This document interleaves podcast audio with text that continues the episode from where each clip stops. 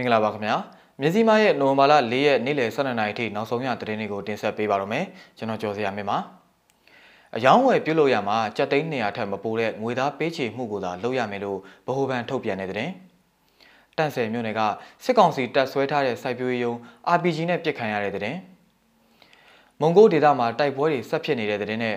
မာလီမှာလွတ်မြောက်လာတဲ့တရုတ်တစားကန်၃ဦးကိုကယ်ဆယ်နိုင်ခဲ့တဲ့သတင်းအစရှိတဲ့ပြည်တွင်းနဲ့နိုင်ငံတကာသတင်းတွေကိုတင်ဆက်ပေးပါရမယ်ခင်ဗျာ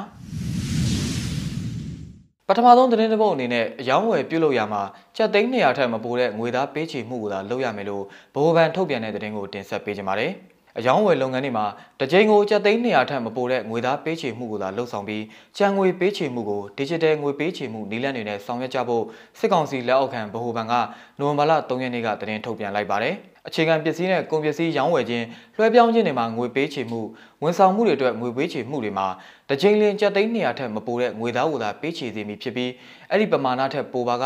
အခြားသောဗန်စနစ်တွေကိုအသုံးပြုရမယ်လို့ဗဟိုဘဏ်ကအမိန့်ကြေညာစာအမှတ်43မြင်းဆောင်2021နဲ့ထုတ်ပြန်လာတာဖြစ်ပါတယ်ထုတ်ပြန်ကြေညာချက်ကိုမလိုက်နာပါကလည်းတည်ဆဲဥပဒေတရရက်နဲ့အရေးယူခံရမှာဖြစ်ကြောင်းကိုလည်းထည့်သွင်းကြေညာထားပါတယ်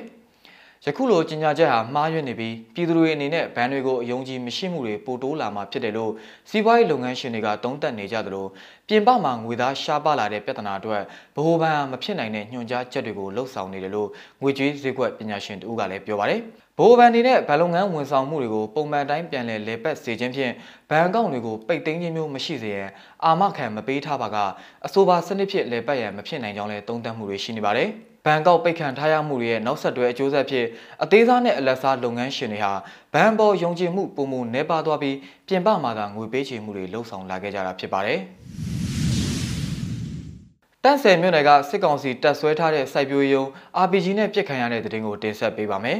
။စကိုင်းတိုင်းတန့်ဆယ်မြို့နယ်အင်ကုတ်ကားရွာမှာရှိတဲ့စိုက်ပျိုးရေးယုံမှာ တက်ဆွဲထားတဲ့စစ်ကောင်စီတပ်ကိုနိုဝင်ဘာလ3ရက်နေ့လယ်ပိုင်းကဒဇယ် People Comrades TPC နဲ့ Civil Armed Force CS အဖွဲ့ကပူးပေါင်းတိုက်ခိုက်ခဲ့တယ်လို့သတင်းထုတ်ပြန်ထားပါတယ်။တိုက်ခိုက်မှုတွင်စစ်ကောင်စီဘက်က၄ဦးသေဆုံးကတအူးဒဏ်ရာရခဲ့တယ်လို့လည်းထုတ်ပြန်ချက်မှာဖော်ပြထားပါတယ်။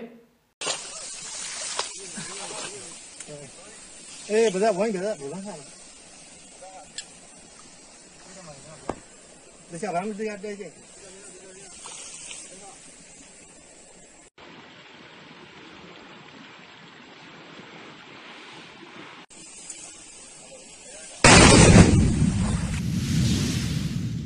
စစ် ကောင်စီကမုံကိုဒေတာဘက်ကိုစစ်အင်အားတိုးချဲ့မှုတွေရှိနေပြီးတိုက်ပွဲတွေလည်းဆက်လက်ဖြစ်ပွားနေတယ်လို့ဒေတာကန်တွေကပြောပါတယ်။နိုဝင်ဘာလ3ရက်နေ့ကလည်းမုံကိုဒေတာအတွင်းစစ်ကောင်စီတပ်နဲ့ကိုကန့်တပ်မတော် MMDA တို့ကြားတိုက်ပွဲတွေဖြစ်ပွားနေတယ်လို့မုံကိုဒေတာခန်နေတန်းကသိရပါတယ်။မုံကိုဒေတာကန်တူက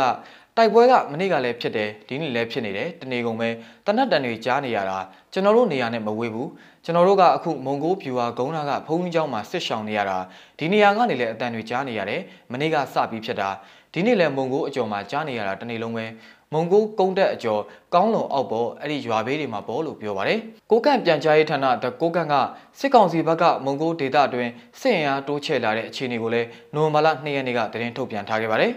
တကုန်းကန်ရဲ့သတင်းထုတ်ပြန်ချက်ထဲမှာသတင်းချက်လက်ရစစ်ကောင်စီသည်စစ်ကူအဖွဲ့နဲ့လက်နက်ရိတ်ခါများကိုမွန်ဂိုဒေသသို့ချုံးမွေသာပို့ဆောင်နိုင်ရန်အတွက်လမ်းတစ်လျှောက်လုံးမှာလုံခြုံရေးအတွက်လူဝင်အားတိုးချဲ့ထားပါတယ်လို့ဖော်ပြထားပါတယ်။အဲ့လိုစစ်ရေးလှုပ်ရှားနေတာကြောင့်စစ်ကောင်စီတပ်နဲ့ MMDA ကိုကတ်တပ်တို့ကြားလာရှိုးနဲ့တိန်းနီလမ်းကြားမှာရှိတဲ့နာချန်ဒေသမြောက်ဘက်မှာစစ်ရေးလှုပ်ရှားနေတဲ့စစ်ကောင်စီတပ်တွေနဲ့တိုက်ပွဲဖြစ်ပွားခဲ့သေးတယ်လို့သိရပါတယ်။ဒါအပြင်မုံကိုဒေသနဲ့ဖောင်းဆိုင်ဒေသတို့မှာ တိုက်ပွဲတွေပြင်းထန်စွာဆက်လက်ဖြစ်ပွားနေပြီးမုံကိုမှဖောင်းဆိုင်ဘက်သို့စစ်ကူရန်ချီတက်လာတဲ့စစ်ကောင်စီရဲ့ရင်နှန်းတွေကိုကြားဖြတ်တိုက်ခိုက်ဖျက်ဆီးနိုင်ခဲ့တယ်လို့လည်းသိရပါတယ်။ဖေဖော်ဝါရီလ၁ရက်နေ့စစ်တပ်ကအာဏာသိမ်းယူရန်စ조사ခဲ့တဲ့နောက်ပိုင်းစစ်ကောင်စီတပ်တွေနဲ့ MMDA ကိုကန့်တပ်တို့အကြားရှမ်းပြည်နယ်မြောက်ပိုင်းမှာရှိတဲ့မုံကိုဒေသဖောင်းဆိုင်ဒေသနဲ့လာရှိုးသိန်းတီတလျှောက်မှာတိုက်ပွဲတွေဇက်တိုက်ဆိုသလိုဖြစ်ပွားနေတာဖြစ်ပါတယ်။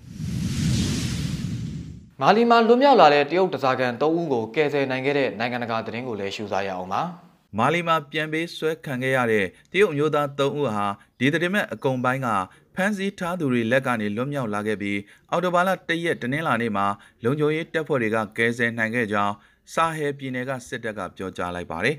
ပဋိပက္ခတွေဖြစ်ပွားနေတဲ့နိုင်ငံအနောက်ပိုင်းကစောက်လို့ရေးလုပ်ငန်းခွင်တစ်ခုကိုဝင်ရောက်တိုက်ခိုက်ခဲ့တဲ့ လက်နက်ကိုင်တချို့က၎င်းတို့၃ဦးကိုဖမ်းဆီးခေါ်ဆောင်သွားခဲ့တာဖြစ်ပါတယ်။အဖမ်းခံရတဲ့အထဲမှာမော်ရီတေးနီးယားနိုင်ငံသား2ဦးလည်းပါဝင်ပြီးဖမ်းဆီးခံရပြီး10ရက်အကြာမှာပြန်လည်လွတ်မြောက်လာခဲ့ပေမဲ့တရုတ်သုံးမန်းတွေကတော့ပြီးခဲ့တဲ့တနင်္ဂနွေကမှအောင်မြင်စွာလွတ်မြောက်လာခဲ့တယ်လို့မာလီစစ်တပ်ရဲ့ထုတ်ပြန်ချက်မှာဖော်ပြခဲ့ပါတယ်။အမည်မသိစေတနာရှင်တွေကုညီပံ့ပိုးပေးခဲ့တဲ့ပူးပေါင်းစစ်စင်ရေးမှာမြေပြင်နဲ့လေကြောင်းတပ်ဖွဲ့တွေကအဆိုပါအမျိုးသား3ဦးကိုရှာဖွေတွေ့ရှိခဲ့တာဖြစ်ပါတယ်။သူတို့3ဦးဟာကျန်းမာရေးအခြေအနေကောင်းမွန်နေပြီးမာလီမှာရှိတဲ့တရုတ်တန်ရုံးမှာကယ်ဆယ်ရေးဝန်ထမ်းတွေကနှစ်သိမ့်မှုနဲ့ပြုစုစောင့်ရှောက်မှုတွေလှုပ်ဆောင်ပေးနေကြောင်း ပေကျင်းကအင်္ဂါနေ့ကပြောကြားလိုက်ပါတယ်။တရုတ်နိုင်ငံသားရေးဌာနပြောခွင့်ရဝမ်ဝင်ပင်ကတရုတ်နိုင်ငံအနေနဲ့မာလီမှာရှိတဲ့တရုတ်နိုင်ငံသားတွေနဲ့တရုတ်ပိုင်းစီးပွားရေးလုပ်ငန်းတွေအတွက်အန္တရာယ်ကင်းရှင်းရေးအစီအမံတွေနဲ့ကောင်စစ်ဝင်ရုံးရဲ့အကာအကွယ်ပေးမှုတွေကိုရှေ့ဆက်တိုးမြှင့်လှုပ်ဆောင်သွားမယ်လို့ပြောကြားလိုက်ပါတယ်။ လူပေါင်းထောင်ထဲချီသေဆုံးခဲ့ရတဲ့မာလီရဲ့ရက်ဆက်ကြမ်းကြုတ်တဲ့ဂျီယဝါဒီပဋိပက္ခတွေမှာမကြာခဏဆိုသလိုပြန်ပေးဆွဲမှုတွေရှိနေပြီးစတင်ဖြစ်ပွားခဲ့တဲ့2012ခုနှစ်ကစတင်ကလူဦးရေသိန်းနဲ့ချီပြီးအိုးမဲ့အိမ်မဲ့ဖြစ်ကြရသလိုကမ္ဘာအစင်းရဲဆုံးနိုင်ငံရဲ့စီးပွားရေးကိုလည်းထိခိုက်စေခဲ့ပါတယ်2018ခုနှစ်မှာဂျီဟက်တွေပြန်ပေးဆွဲခံခဲ့ရတဲ့ကိုလံဘီယာတီလာရှင်မစ္စတာဂလိုရီယာစီစီလီယာနဗာအက်စ်ဟာအော်တိုဘာလ9ရက်နေ့က မာလီမှာပြန်လည်လွတ်မြောက်လာခဲ့ပြီးတဲ့နောက်သတင်းပတ်များစွာအကြာမှာအဆိုပါစစ်စင်ရေးထွက်ပေါ်လာခဲ့ခြင်းဖြစ်ပါတယ်။မာလီမြောက်ပိုင်းမှာအေဘီလာကပြန်ပေးဆွဲခံခဲ့ရတဲ့ပြင်သစ်သတင်းတော်အိုလီဗာဒူအိုစစ်ကစာဟဲရှိအကြီးဆုံးဂျီဟက်ဝါဒီမဟာမိတ်အဖွဲ့ဖြစ်တဲ့အစ္စလာမစ်မွတ်စလင်များကူညီပံ့ပိုးရေးအဖွဲ့ GSIM ရဲ့တစားကန်ဗီဒီယိုတစ်ခုမှာသူ့ကိုပြန်ပေးဆွဲထားတဲ့အကြောင်းပြောဆိုခဲ့ပါတယ်။ မြစည်းမရဲ့နိုဝင်ဘာလ၄ရက်နေ့လယ်12နာရီထိနောက်ဆုံးရသတင်းတွေကိုတင်ဆက်ပေးကြတာပါမြန်မာပြည်သူပြည်သားအပေါင်းဘေးရန်ရဲ့မြို့မြို့ကနေကင်းဝေးကြပါစေခင်ဗျာ။